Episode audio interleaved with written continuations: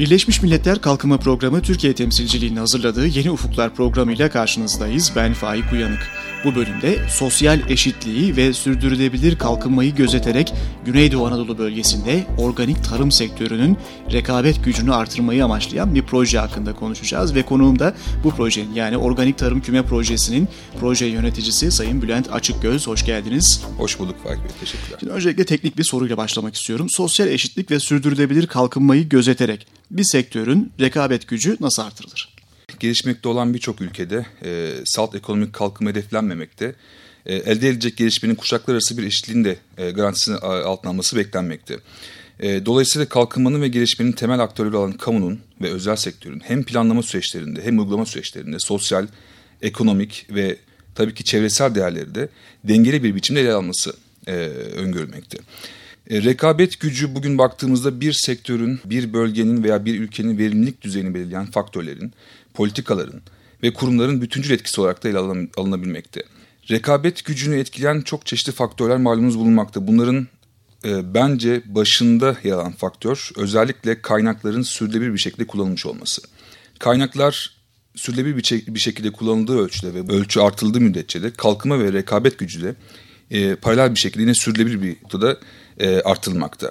Artık bölgeler ve ülkeler işte yeşil büyüme, yeşil ekonomi, yeşil iş gücü gibi e, çeşitli yaklaşımları e, kendi kalkınma gündemlerine entegre etmekte ve daha büyük bir oranla da rekabetçilik ve kalkınma politikalarına bu gibi kavramlar e, entegre edilmeye başlamakta.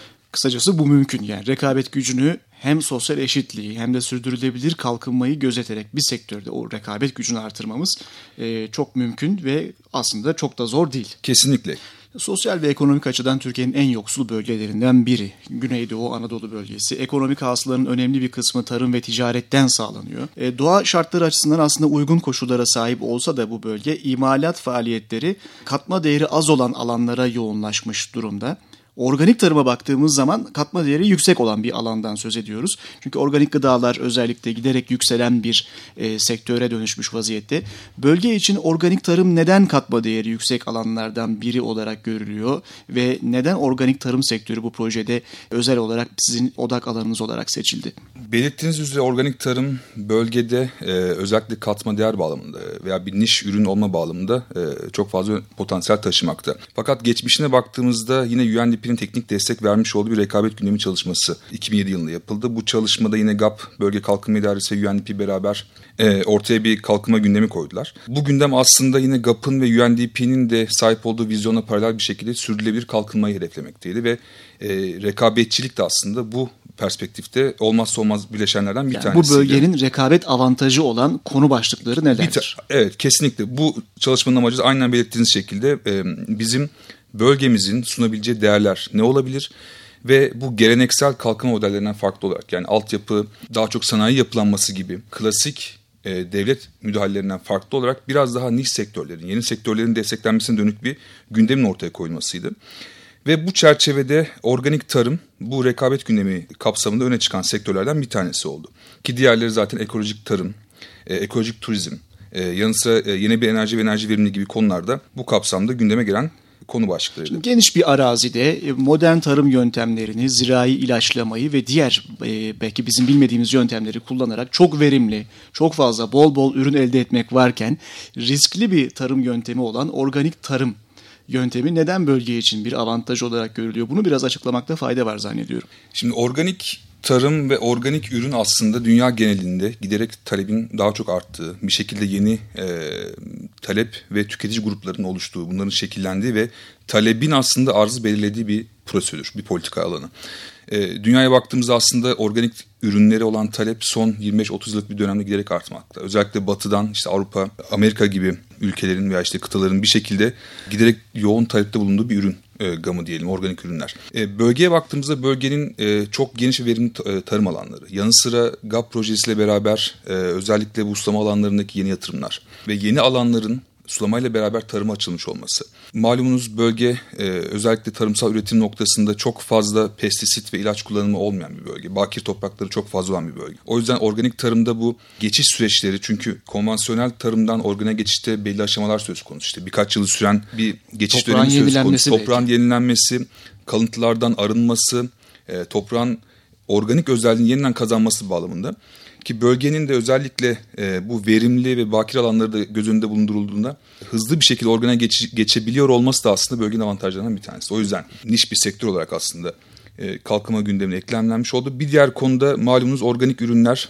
ilaç kullanılmadığından daha hızlı bozulma, daha hızlı çürüme gibi e, koşullar gündeme gelebiliyor. O yüzden bölgede bir uluslararası kargo havalimanının olması, bölgeden çok hızlı bir şekilde aslında tedarik ağlarına erişebiliyor olmamız. Neresi bu havaalanı? Ee, Urfa'da bulunan Urfa e, Kargo Havalimanı, GAP Havalimanı olarak adlandırmakta. Bu havalimanının bulunması yanı sıra mevcuttaki örneğin örgütlenme modelleri. Çünkü organik tarım beraberinde örgütlenmeyi de gerektiren bir durum. Küçük arazilerde yapılınca çok fazla ölçek ekonomisine yaklaşamıyorsunuz. O yüzden arazilerin büyük olması, e, birden fazla çiftçinin örgütlenmiş olması ve büyük alanlarda organik tarım yapılıyor olması da aslında bizim için bir nevi bir yandan da bu çalışmalar yürütüldü. Dolayısıyla Kesinlikle. aslında altyapı müsait, e, kargo gibi işte ulaşım evet. gibi sektörlerde bir müsaitlik söz konusu ve bir yandan da toprak müsait ve katma değerinin yüksek olan bir alan seçilmiş. Evet. Dolayısıyla bu herhalde biraz anlatıyor bize neden bu alana yoğunlaşıldığını. Dinleyicilerimize seslenelim. Programımızla ilgili görüşlerinizi Twitter üzerinden Yeni Ufuklar etiketiyle bizlere aktarabilirsiniz. Bu haftaki programla ilgili olarak.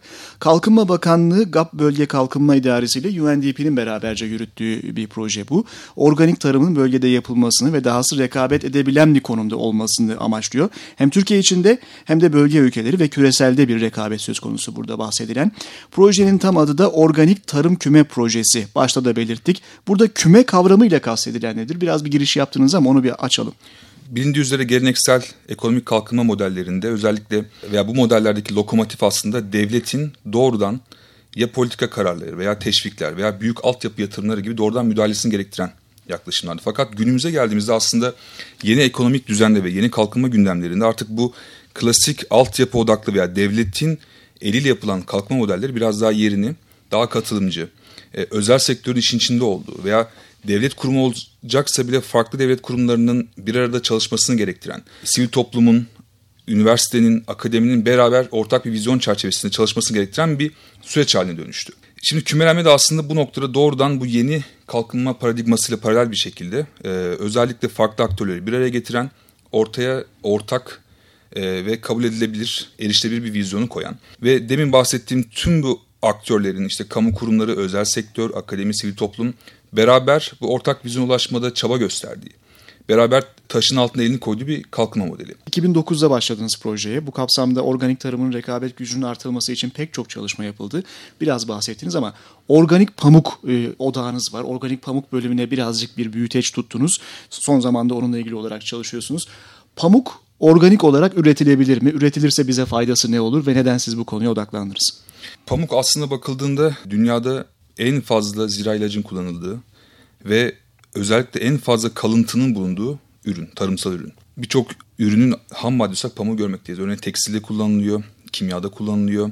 E, yer yer gıdada kullanıldığını biliyoruz ufak mevlalarda da olsa. Bütüne baktığımızda konvansiyonel olarak ele alındığında organik e, belirttiğim gibi çok fazla e, kimyevi maddelerin, zirai ilaçların kullanıldığı bir ürün. Ve özellikle son dönemde yine daha önce bahsettiğim bu tüketici profilinin beklentileri bu tarz bu kadar çok e, kalıntı taşıyan bir ürünü artık kendi kullanımlarından çıkarmak. Yani o organik olmayan pamuk, normal konvansiyonel üretilen pamuk bize giysi olarak ulaştığında da hala üzerinde kalmış kesinlikle, oluyor mu? Zirai kesinlikle kalıntılar. tabii ki. Tabii ki kesinlikle kalıntılar üzerine kalmış oluyor. Dolayısıyla bir giysinin üzerinde organik giysi yazdığında bunun ne anlama geldiği ortaya çıkmış oluyor. Kesinlikle. Organik olmasındaki avantajımız da şu. Tabii ki kalıntı bulunmaması ve e, özellikle de bunun üretiliş biçimi de çok kritik. Çünkü sadece ürüne geçmiyor bu kimyevi maddeler, bu zirai maddeler aynı zamanda toprağa zehirliyor ve bu işte yeraltı sularından vesaire diğer ürünlerin de bir şekilde bünyesine dahil olmuş oluyor. O zaman iki tane odak nokta var burada. Bir yandan çok talep edilen sektörlere hitap etmiş oluyorsunuz. Organik ürünler üreterek bu gıda olsun veya tekstil ürünü olsun. Bir kere özellikle şimdi bebekler ve çocuk giysilerinde organik Kesinlikle. giysi kavramı çok önem kazanmaya başladı.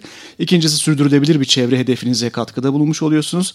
Ve son olarak da elbette oradaki rekabet avantajını yükseltmiş oluyorsunuz. Evet. Son olarak belki belirtmemde fayda var. Projemiz için sürdürülebilirlik çok kritik nokta. Proje bittiğinde biz özellikle yerelde e, çeşitli yapıların ve mekanizmaların kurulmuş olmasını öngörmekteyiz. Küme yönetişim yapısı bu mekanizmalardan bir tanesi fakat bir yapımız var ki bu yapı çok kritik.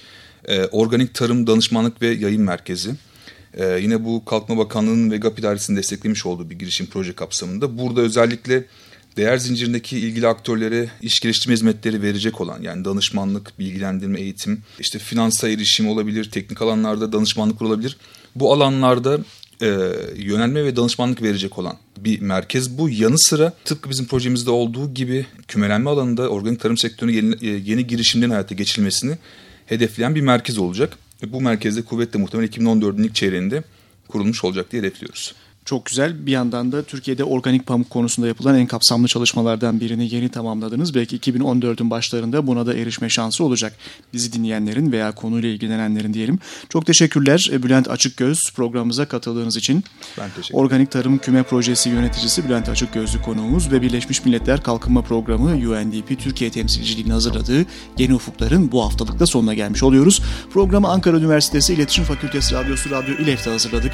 Programımıza İstanbul'da FM bandında ve internette Açık Radyo'dan, 50'ye yakın ilde Polis Radyosu'ndan, yayın ağımızdaki üniversite radyolarından, Kıbrıs'ta MySay Radyosu'ndan ve podcast formatında iTunes ve SoundCloud üzerinden ayrıca tr.undp.org adresinden ulaşabilirsiniz. Sosyal medya üzerinde kullanıcı adımız UNDP Türkiye. Tekrar görüşmek dileğiyle, hoşçakalın.